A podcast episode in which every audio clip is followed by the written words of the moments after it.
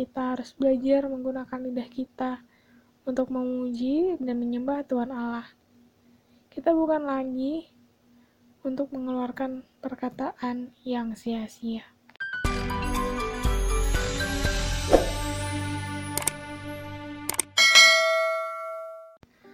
Shalom, Naposot, sahabat-sahabat rohani, di mana pun kita berada saat ini. Saya harap kita sudah mengambil posisi terbaik kita untuk mendengar firman Tuhan hari ini. Nah, untuk itu mari kita buka dengan sebuah doa. Mari teman-teman kita berdoa. Bapa di sorga, selamat pagi Tuhan. Terima kasih atas hari baru yang Tuhan hadiahkan bagi kami. Saat ini kami bersiap untuk mendengar firman Tuhan. Kiranya Tuhan yang memberi hikmat dan kebijaksanaan agar dapat kami pahami dalam hidup kami masing-masing. Amin. Teman-teman, hari ini kita akan mendengarkan renungan tentang mengendalikan lidah, menjaga perkataan. Sebagai teladan Selain sifat yang rendah hati, kita juga perlu untuk mengendalikan lidah kita agar kita dapat menjaga perkataan-perkataan yang keluar dari mulut kita supaya menjadi berkat bagi orang lain, bukan kutuk. Lalu, apa yang dikatakan Alkitab? Kita bisa baca dalam Yakobus 3 ayat 5 sampai 6. Yakobus 3 ayat 5 sampai 6. Begini bunyinya. Demikian juga lidah, walaupun suatu anggota kecil dari tubuh, namun dapat memegahkan perkara-perkara yang besar. Lihatlah betapapun kecilnya api, ia dapat membakar hutan yang besar. Lidah pun adalah api. Ia merupakan suatu dunia kejahatan dan mengambil tempat di antara anggota-anggota tubuh kita sebagai sesuatu yang dapat menodai seluruh tubuh dan menyalakan roda kehidupan kita.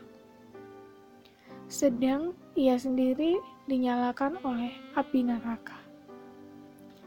Teman-teman, kita sebagai teladan Kristus mengendalikan atau mengekang lidah merupakan hal yang wajib.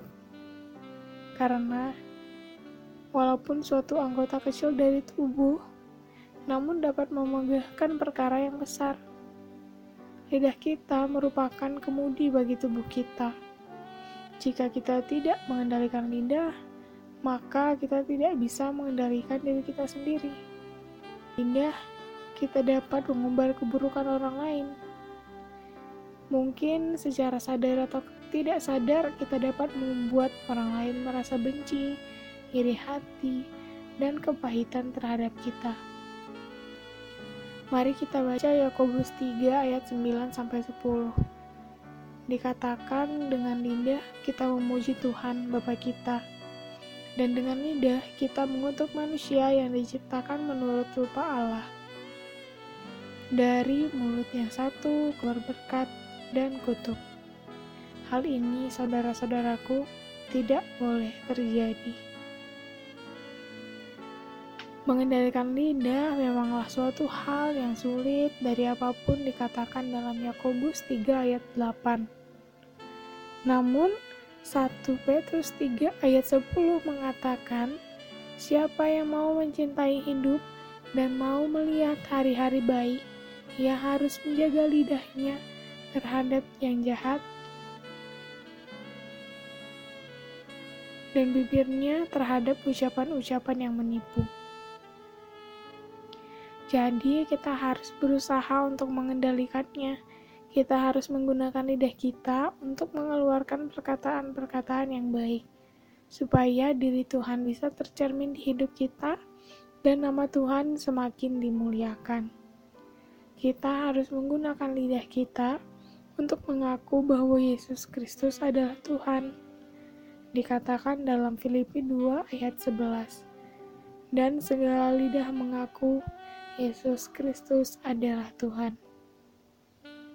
Bagi kemuliaan Allah Bapa. Maka dari itu, Teman-teman, marilah kita menjauhkan lidah kita dari perkataan kutuk, kemunafikan, perkataan yang memicu perpecahan, terutama dari perkataan yang membangkitkan akar kepahitan, sombong, dan lain-lain. Kolose 4 ayat 6 mengatakan, Hendaklah kata-katamu senantiasa penuh kasih, jangan hambar, sehingga kamu tahu bagaimana kamu harus memberi jawab kepada setiap orang. Berbahagialah kita yang dapat mengendalikan lidah kita. Seperti Amsal 13 ayat 2 sampai 3 mengatakan, Dari buah mulutnya seseorang akan makan yang baik, tetapi nafsu seseorang pengkhianat ialah melakukan kelaliman. Siapa menjaga mulutnya, memelihara nyawanya. Siapa yang lebar bibir akan ditimpa kebinasaan.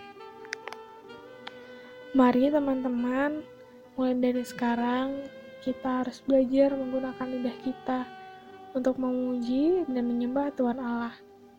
Kita bukan lagi untuk mengeluarkan perkataan yang sia-sia. Amin. Sekian untuk renungan hari ini. Mari teman-teman kita berdoa. Tuhan Bapa di sorga, terima kasih atas firman-Mu yang boleh kami pelajari pada hari ini. Tuhan, kami mengakui bahwa perihal lidah kami sering mengalami pergumulan Terkadang hati kami terluka oleh karena perkataan orang lain, sehingga ingin kami balas hal serupa. Atau terkadang memang lidah kami sendiri yang tidak sengaja melukai hati sesama kami.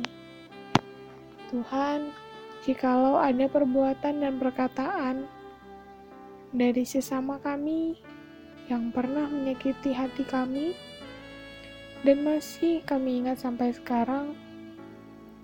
Hari ini kami ingin belajar mengampuni Bapa.